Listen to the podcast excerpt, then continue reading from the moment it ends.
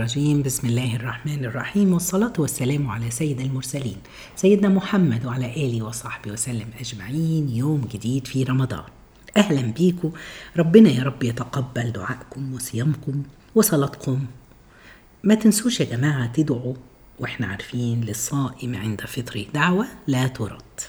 اللهم تقبل من ادعوا كتير الصحابة كانوا بيجهزوا دعوات مخصوصة لرمضان ويقولوا ما ينقضي رمضان إلا وقد استجاب لهم اللهم استجب لنا يا رب العالمين. اللهم اجعلها ليالي عتق وليالي مغفرة للجميع.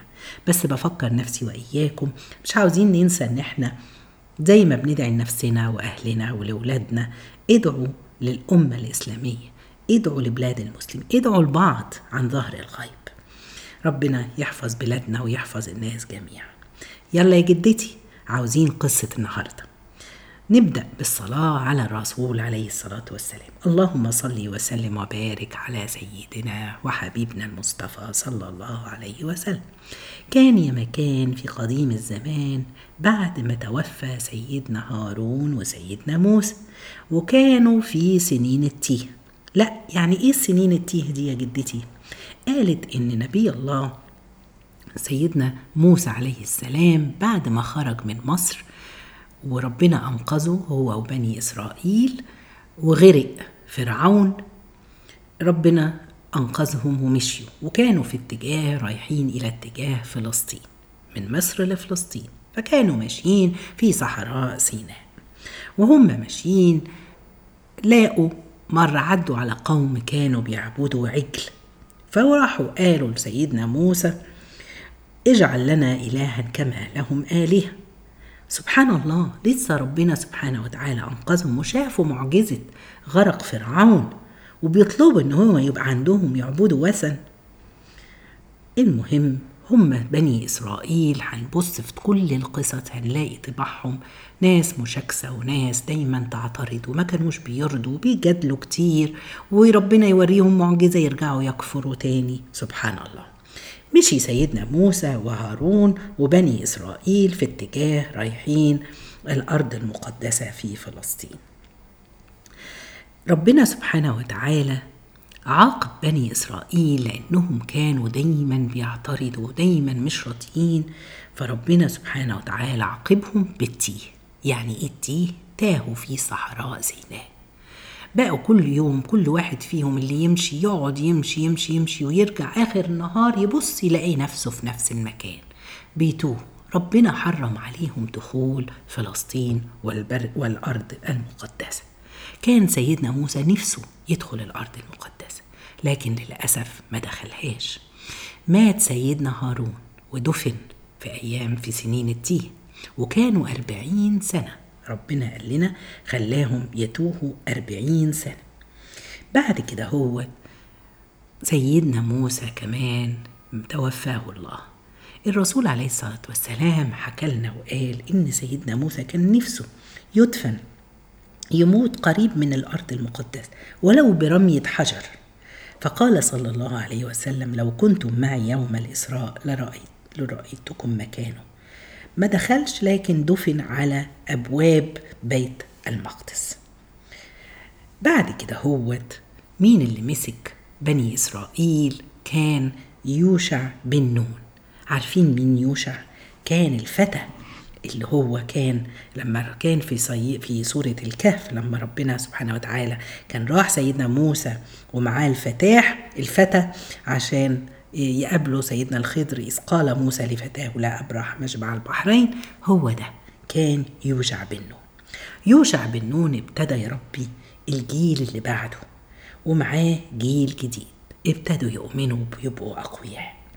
بعد كده دخل سيدنا يوشع بن نون بيت المقدس فتح الله على يده. بعد كده دخلوا بني إسرائيل إلى الأرض المقدسة. مات سيدنا يوشع فقدوا الشجاعة تانية مر بيهم وضعفوا إيمانهم وجه جيل ورا جيل هزموا بعد ذلك. خرجوا من بيت المقدس من الأرض المقدسة.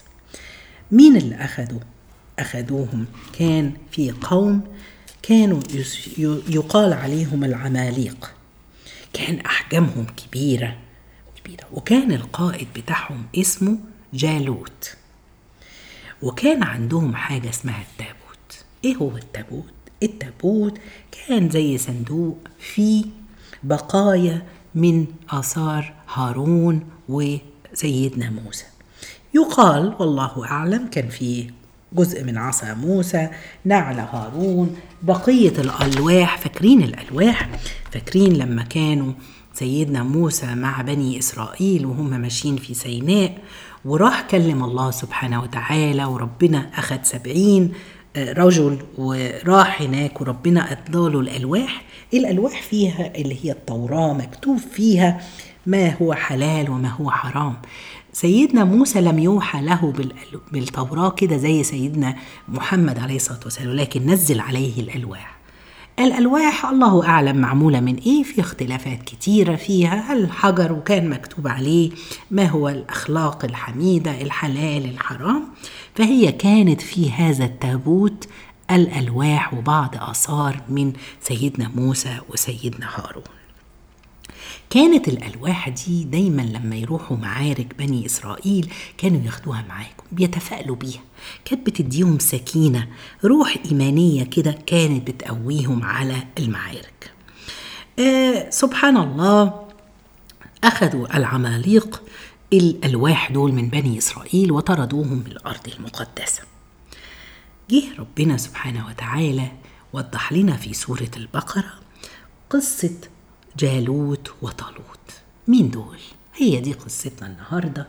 ربنا في آية 246 لغاية 252 وربنا بيتكلم لنا على هذه القصة. إيه هي القصة دي؟ تعالوا نشوف مع بعض. ربنا سبحانه وتعالى بيقول ألم ترى إلى الملأ من بني إسرائيل من بعد موسى؟ يبقى قصة من بعد سيدنا موسى. إذ قالوا لنبي له ابعث لنا ملكا نقاتل في سبيل الله. يبقى قلنا بعد كان عندهم نبي فجم الملأ هم الأكابر والناس الكبيرة في بني إسرائيل وطلبوا من النبي بتاعهم اسم النبي ما نعرفوش الله أعلم لأن ربنا بعت أنبياء كتير قوي لبني إسرائيل. فطلبوا من النبي بتاعهم إن هو يبعت لهم ملك ما عندهمش كان ملك ولا قائد فكانوا عاوزين يبقى عندهم قائد عشان يحاربوا في سبيل الله. قال لهم ده مين اللي قال لهم؟ النبي بتاعهم. عسيتم إن كتب عليكم القتال ألا تقاتلوا خلوا بالكم. لو ربنا كتب عليكم القتال ممكن تتراجعوا قالوا وما لنا ألا نقاتل في سبيل الله وقد أخرجنا من ديارنا وأبنائنا. أفلم أفلما كتب عليهم إزاي مش هنقاتل في سبيل الله؟ وهم طردونا من أراضينا وأخذوا بيوتنا وأخذوا أولادنا. بعد كده ربنا بيقول فلما كتب عليهم القتال تولوا إلا قليلا منهم والله عليم بالظالمين. إيه اللي حصل؟ يقال في كتب التاريخ إن كان عددهم كبير يمكن آآ آآ 800 ألف واحد. هم عاوزين يقتلوا. لما ربنا أمرهم لما سألوا نبيهم عشان يقاتلوا عاوزين ملك قائد ليهم يبقى. فرب النبي بتاعهم ذكرهم إن أنتوا ممكن ترجعوا في كلامكم. قالوا له إزاي نرجع وإحنا ظلمنا واخدوا مننا كل حاجة. طيب. الصفوة بتاعتهم قالوا لا إحنا هنقاتل في سبيل الله. لكن لما أمرهم ربنا بأنهم يقاتلوا تولى تولوا إلا قليلا منه والله أعلم عليم بالظالمين. كان زي ما قلنا عددهم تقريبا 800 ألف ابتدى يقل عددهم ناس خافت ومشيت وتركت. سبحان الله. بعد كده هوت ربنا سبحانه وتعالى بيقول لنا وقال لهم نبيهم إن الله قد بعث لكم طالوت طالوت ملكا نقلهم واحد النبي قال لهم ربنا اختار لكم طالوت. طالوت؟ مين طالوت؟ طالوت من بني إسرائيل. قالوا أن يكون له الملك. علينا ونحن أحق بالملك منه. ولم يؤت سعة من المال قال إن الله اصطفاه عليكم وزاده بسطة في العلم والجسم. والله يؤتي ملكه من يشاء. والله واسع عليم. ربنا نقلهم واحد اسمه طالوت وقال لهم دوت هيكون ملك عليكم. هم اعترضوا وقالوا طالوت ده لو واحد غني رجل فقير مش من مستوانا. إحنا أحسن في ناس كتيرة أحسن منه. إزاي يكون ده الملك علينا؟ ربنا فراح النبي رد عليهم قال لهم ده اختيار ربنا. شوفوا هم قوموا قال لك ده معهوش ملك مال ده رجل فقير. قال لهم لكن ربنا اصطفاه عليكم وزاده بسطة في العلم والجسم. ربنا اداله علم واداله جسمه كان جسمه قوي وكبير. وربنا بيختار يؤتي ملكه من يشاء. اعترضوا ولكن قبلوا بعد كده. رب نبيهم برضو كانوا معترضين فالنبي بتاعهم قال لهم أنا ربنا هينزل لكم آية إن ده اختيار ربنا مش أنا اللي مختار. الآية اللي بعدها ربنا بيقول وقال لهم نبيهم إن آية ملكي أن يأتيكم التابوت فيه سكينة من ربكم وبقية مما ترك آل موسى وآل هارون تحمله الملائكة إن في ذلك لآية لكم. إن كنتم مؤمنين. يا نهار أبيض. عشان رب عشان ربنا يثبت لهم إن اختيار ملكهم طالوت من عند الله قال لهم النبي إن ربنا هيجيب لكم التابوت هتحملوا الملائكة وأنتوا واقفين. هتلاقوا الصندوق التابوت ماشي في السماء كده سبحان الله وينزل يجيلكم قدامكم عشان تعرفوا إن دي من عند الله. تعالوا نقف هنا. وقفة. سبحان الله كان اختيارهم أو اعتراضهم على إن طالوت ليه؟ لأنهم قيموا الناس بالمال ما عندوش مال زينا. يا ترى إحنا في زماننا ده بنقيم الناس بالمال برضو؟ زي ما دلوقتي بيقول لك للأسف معاك قرش تساوي قرش معاكش ما تساويش حاجة. تعالوا نشوف الصحابة كان مقاييسهم إيه. عمر بن الخطاب جاله مرة عبايات نسائية. فوزعها على النساء وبقت عباية واحدة. قالوا له نديها لمين؟ نديها لأم كلثوم. زوجته قال لا اعطوها أم أبي سعيد الخضري. سألوا ليه؟ قال رأيتها وهي تخيط لنا القرب يوم أحد. يوم غزوة أحد كانت قاعدة بتخيط القرب. فتبسم لها رسول الله فأعطيها لتبسم رسول الله له. مقياسك إيه يا عمر؟ تقوى الله. مش المال ولا القرابة. كان عبد الله بن عمر ابن عمر بن الخطاب كان بيدوهم عطاء ليه ولأسامة وأسامة وهم في نفس السن. فكان بيدي أسامة أكتر. فابنه عبد الله قال له يا أبت تعطيني أقل من أسامة من بيت المال. وسننا واحد قال عمر كان أبوه زيد بن حارثة أحب إلى رسول الله من أبيك وأسامة كان أحب إلى رسول الله منك. كيف يكون القياس يا جماعة بتقوى الله؟ مش بالمال ومين عنده وما عندوش. نرجع تاني. قبلوا بعد كده بطالوت ملك عليهم. خلاص؟ بعد كده هم جاهزين.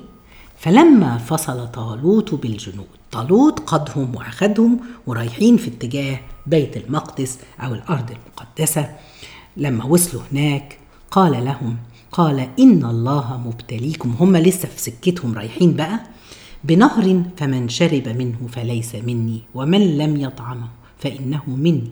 إلا من اغترف غرفة بيدي فشربوا منه إلا قليلا منهم. فلما جاوزوه جاوزه هو والذين آمنوا معه قالوا لا طاقة لنا اليوم بجالوت. لا إله إلا الله.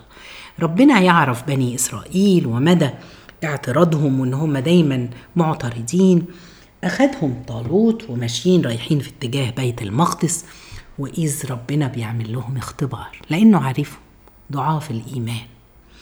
قال لهم طالوت إن ربنا هيختبركم إنتوا كلكم عطشانين هتلاقوا دلوقتي قدامكم النهر اللي قدام لاقوا مية قدام كله عطشان. قال لهم الاختبار إن إنتوا ما تشربوش منه إلا قليل اللي هيغترف غرفة. اللي بس اللي بيل ريقه كده زي ما إحنا بنقول مش اللي يشرب لغاية الشبع. سمعوا الكلام سبحان الله ربنا بيقول لنا شربوا منه إلا قليلا. عدد قليل بس اللي شربوا منه. فلما جاوزوا هو والذين بعد كده رجعوا تراجعوا الناس اللي شربوا دولت ما كملوش مع طالوت. كمل طالوت والعدد عمال يقل. يقل يقال إنه وصل في الوقت دوت إلى 300 ألف والله أعلم. ده اختبار تاني لما وصلوا الأرض المقدسة. شافوا جالوت وجنوده خافوا. ناس منهم قالوا له لا طاقة لنا به ما تقدرش عليه ده قوي قوي وكبير قوي مش هنقدر نكمل معاك.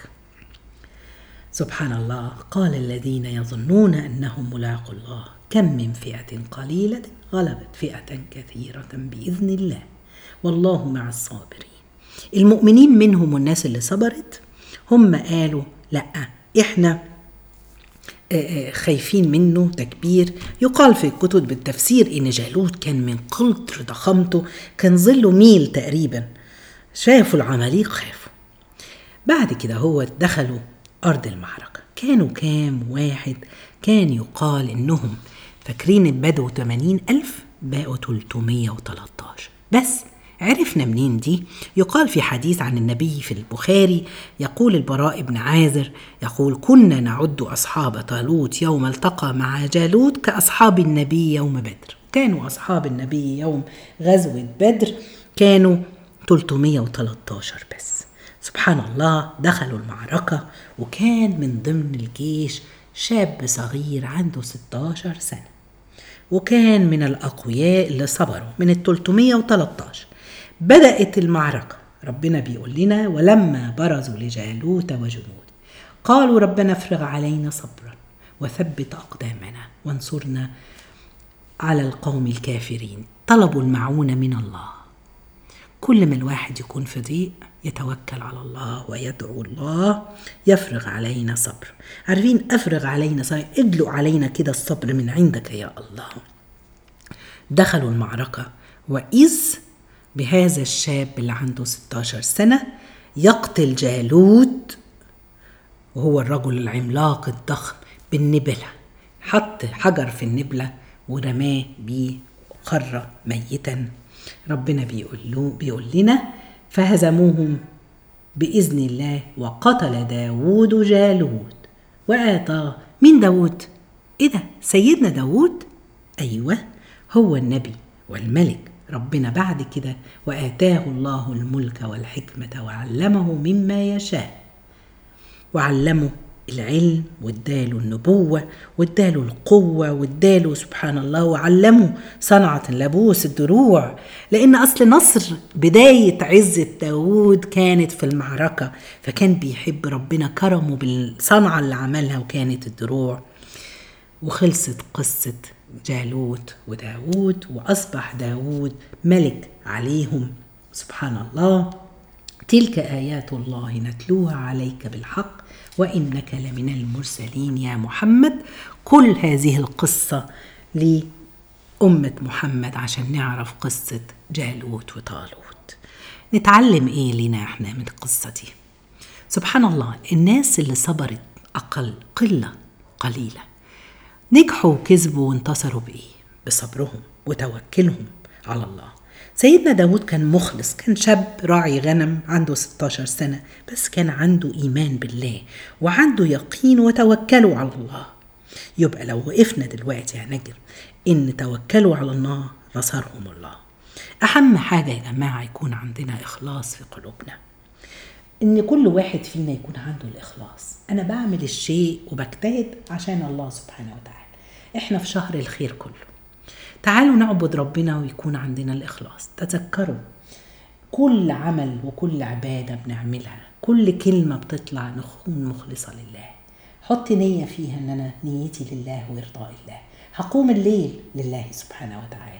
هصلي التراويح مش عشان الناس كلها رايحة تصلي لكن عشان تقربني من الله عشان أعمر بيوت الله. أنوي في كل عمل بعمله. عمر بن عبد العزيز بيقول لك ما خط خطوة إلا وله فيها نية. نقصد بعملنا وكل خطوة نعملها. يا جماعة الإخلاص. تعالوا ندعي ربنا. يا رب اجعلنا من المخلصين. مخلصين لك في كل عمل نعمله. ادعوا بيها ساعة الفطار ادعوا بيها في قيام الليل. كل واحد فينا يراجع نيته قبل كل عمل قبل ما تخرجي الصبح. قل إن صلاتي ونسكي ومحياي ومماتي لله رب العالمين. جعلوا بينكم وبين ربنا كل يوم حسنة خفية ما يعرفهاش غير الله. في شيء جميل طول ما انت خايفه. كل واحد فينا طول ما هو خايف إن هو يكون مش مخلص ولا حاجة إن شاء الله ربنا هيتقبل منه إخلاصه. ربنا يكرمنا وينفعنا. عاوزين نكون من السابقين في رمضان. عاوزين نسبق الناس بتصوم بس كل الصايمين هيدخلوا عاوزين نكون من أوائل الناس. الصف الأول اللي يدخلوا الجنة الجنة بغير حساب. ربنا يكرمنا ويرزقنا الإخلاص. جزاكم الله خير. سبحانك اللهم بحمدك أشهد أن لا إله إلا أنت أستغفرك وأتوب إليك.